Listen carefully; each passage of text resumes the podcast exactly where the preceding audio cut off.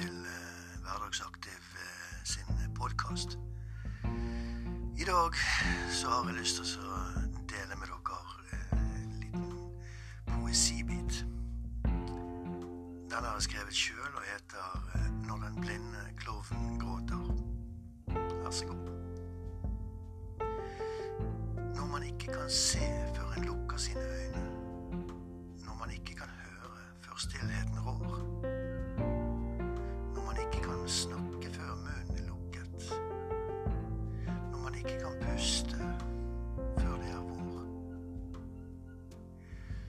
Man ikke kan trylle fordi trolldom er brutt. Når man ikke kan le før klovnen er død.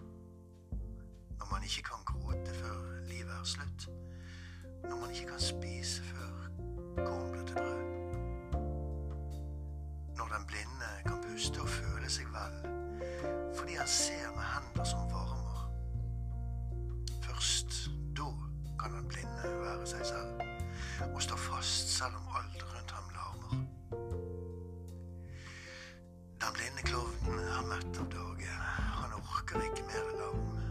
Når tårene renner i moder jords hage, og klovnen sprer latter som letter så varm.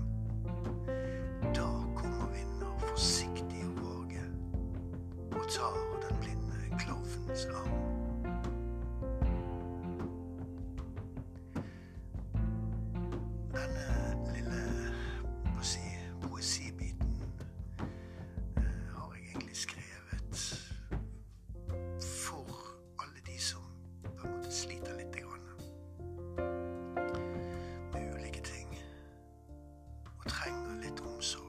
Litt sånn ordentlig det å bli tatt vare på.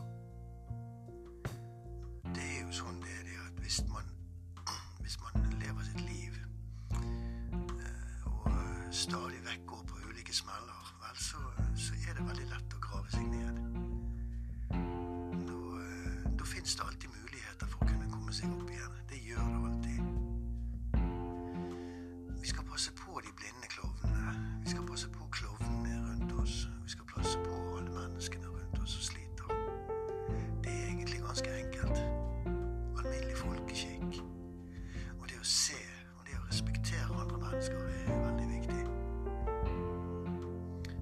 ser på disse tingene, så liksom som en helhet, så, så vet vi